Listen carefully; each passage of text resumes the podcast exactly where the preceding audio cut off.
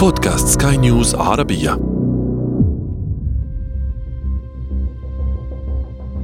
في عام 2015 جلست شابة تتحدث بصوت عميق في جلسة يديرها الرئيس الأمريكي الأسبق بيل كلينتون وبحضور جاك ما مؤسس موقع علي بابا أحد أهم رجال الأعمال في الصين والعالم.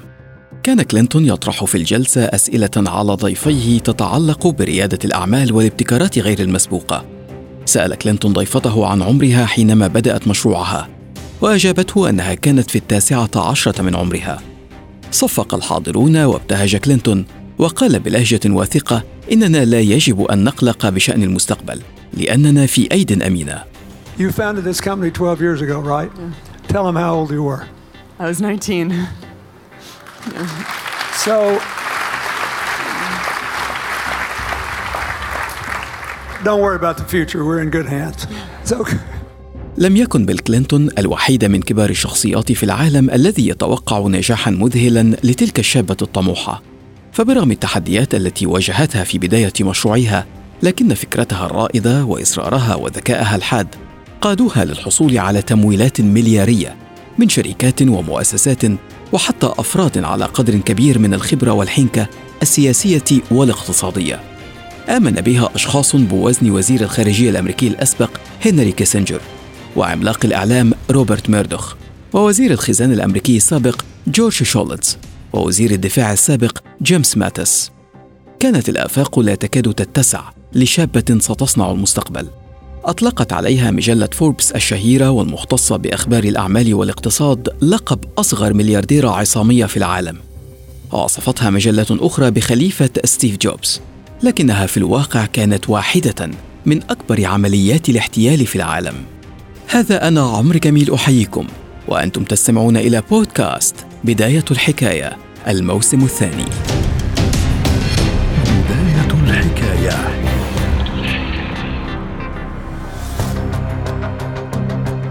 يقال إنها عندما كانت في سن التاسعة كتبت طفلة تدعى إليزابيث هولمز رسالة إلى والدها. قالت له فيها إنها ترغب في أن تكتشف شيئا جديدا لا يعتقد العالم بإمكانية حدوثه. لم يكن هناك شك أن إليزابيث حادة الذكاء متفوقة على معظم أقرانها.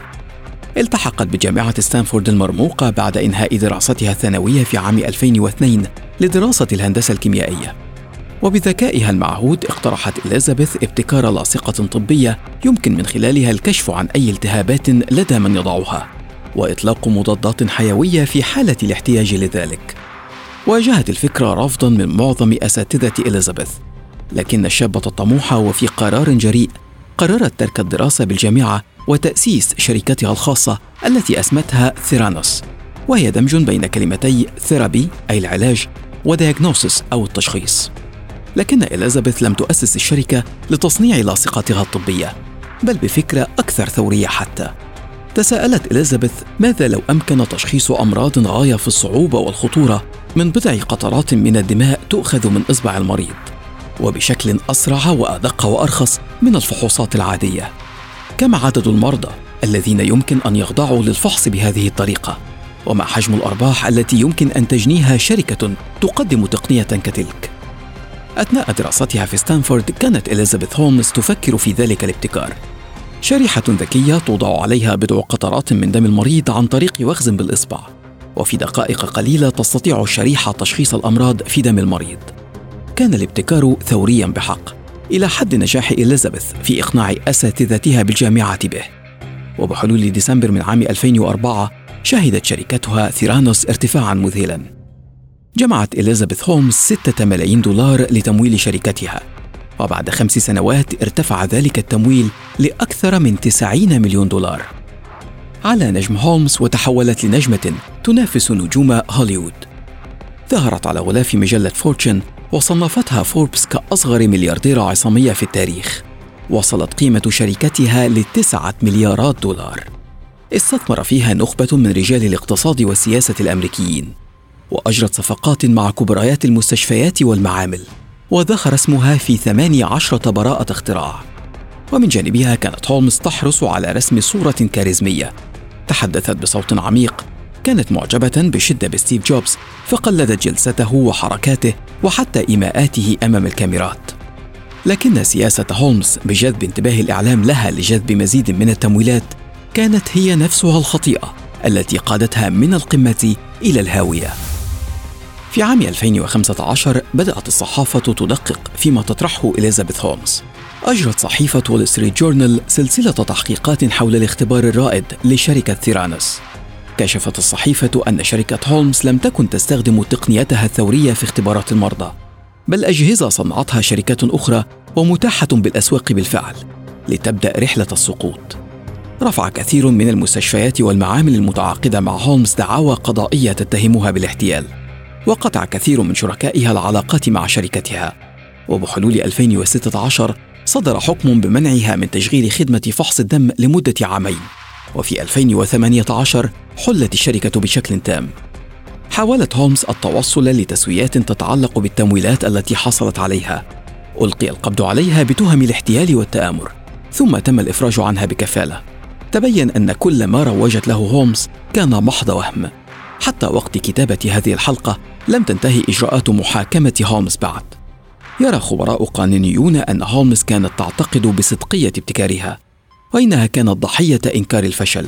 تشمل جلسات المحاكمة الطويلة والمعقدة دراسة آلاف من المستندات والاطلاع على محادثات واتساب وحتى إخضاعها لجلسات مع طبيب نفسي لمعرفة إذا ما كانت تعمدت التآمر أم أنها كانت ضحية وهم خلقته بنفسها وصدقه مجتمع كامل بمرضاه وأطبائه وساساته واقتصاديه وإذا كانت حكاية إليزابيث هولمز اجتمع بها الأمل بالوهم والذكاء بالهوس فإن الحكاية التالية قصة احتيال خالصة.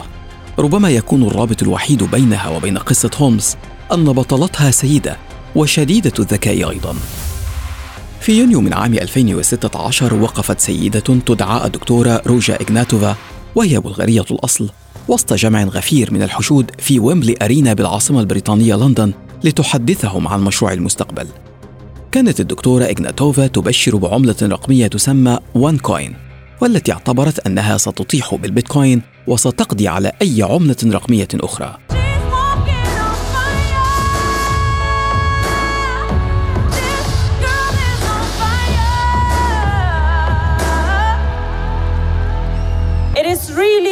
Pleasure for me to be here one and a half years after we launched our cryptocurrency OneCoin. This network was created to become and to fuel the growth of OneCoin, which I strongly believe will be the number one cryptocurrency worldwide. تميزت الدكتورة روجا بالذكاء الشديد تخرجت من جامعة أكسفورد البريطانية المرموقة ونالت شهادة الدكتوراه من جامعة كونستانز الألمانية. برزت كرائدة أعمال ومتحدثة مثقفة في فعاليات تنظمها هيئات ذات ثقل دولي مثل الإيكونومست كما تصدرت صفحات مجلات مثل فوربس. وبهذا الثقل روجت الدكتورة روجا لمشروعها الجديد.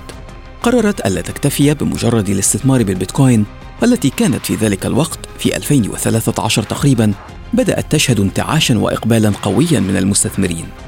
صنعت عملتها الرقمية الخاصة والتي بشرت بأنها ستكون العملة الرقمية الأكثر انتشارا حول العالم. كانت البيتكوين قد بدأت تصعد بقوة وتحقق أرباحا كبيرة. ووجد كثير من المستثمرين في انطلاق وان كوين الفرصة التي لم يغتنموها في البيتكوين، خاصة مع وجود شخصية موثوقة كالدكتورة روجا خلفها. وفي 2016 نظمت الدكتورة روجا جولة حول دول العالم في الولايات المتحدة وكندا وأوروبا والشرق الأوسط والصين ودول آسيا بل وبعض الدول الإفريقية بشرت فيها لعملتها الجديدة التي كان الاستثمار بها سهلا. فتح حساب على منصة ال OneCoin وشراء مقدار من العملة مقابل تحويل بنكي من العميل. ومن خلال نفس المنصة يمكن عرض مقدار الربح أو الخسارة التي تحققها ال OneCoin. ولم تخيب ال OneCoin آمال مستثمريها. ارتفعت كالصاروخ وصعدت في غضون عامين من منتصف 2015 إلى 2017 من أقل من نصف جنيه استرليني إلى عشرة جنيهات استرلينية مع وعد من الدكتورة إغناتوفا بأنها ستكسر حاجز المئة جنيه استرليني في غضون شهور تالية وأدى ذلك لتدفق الملايين من أموال المستثمرين. كان من المفترض أن ال OneCoin كباقي العملات الرقمية تعتمد على تقنية البلوك تشين لتسجيل المعاملات عليها وهي تقنية تحدثنا عنها بالتفصيل في حلقة سابقة. وذكرنا أنها تسجل كل معاملة عليها على عدد لا محدود من الكمبيوترات التي لا يمكن التدخل أو التلاعب فيها أو تحديد هوية القائم عليها. وبالتالي كان من المفترض أن العمليات على ال OneCoin حقيقية. لكن الدكتورة روجا وببساطة لم تكن تستخدم البلوكتشين من الأصل بل تستخدم قاعدة بيانات يمكن التلاعب فيها وتغيير الأرقام عليها. حولت الدكتورة روجا ملايين الدولارات من أموال المستثمرين إلى عقارات باسمها في بلدها الأصلي بلغاريا. وفي أكتوبر 2017 اختفت الدكتورة روجا إغناتوفا بينما كان من المفترض أن تحضر حفلا في البرتغال للترويج لعملتها الرائدة. لا يوجد حصر دقيق بالمبالغ التي جمعتها روجا إغناتوفا لكن يعتقد أنها بلغت ما بين خمسة إلى ستة عشر مليار دولار. تم جمعها من أشخاص من أكثر من 175 دولة حول العالم. في واحدة من أكبر وأوسع عمليات الاحتيال في العالم. ربما يكون من غير المنصف إدانة إليزابيث هولمز أو روجا إغناتوفا وحدهما في عمليات الاحتيال السابقة. فكل عملية احتيال تتطلب في النهاية محتال ومحتالا عليه. ولن ينجح احتيال الأول إلا بجشع الثاني. بداية الحكاية.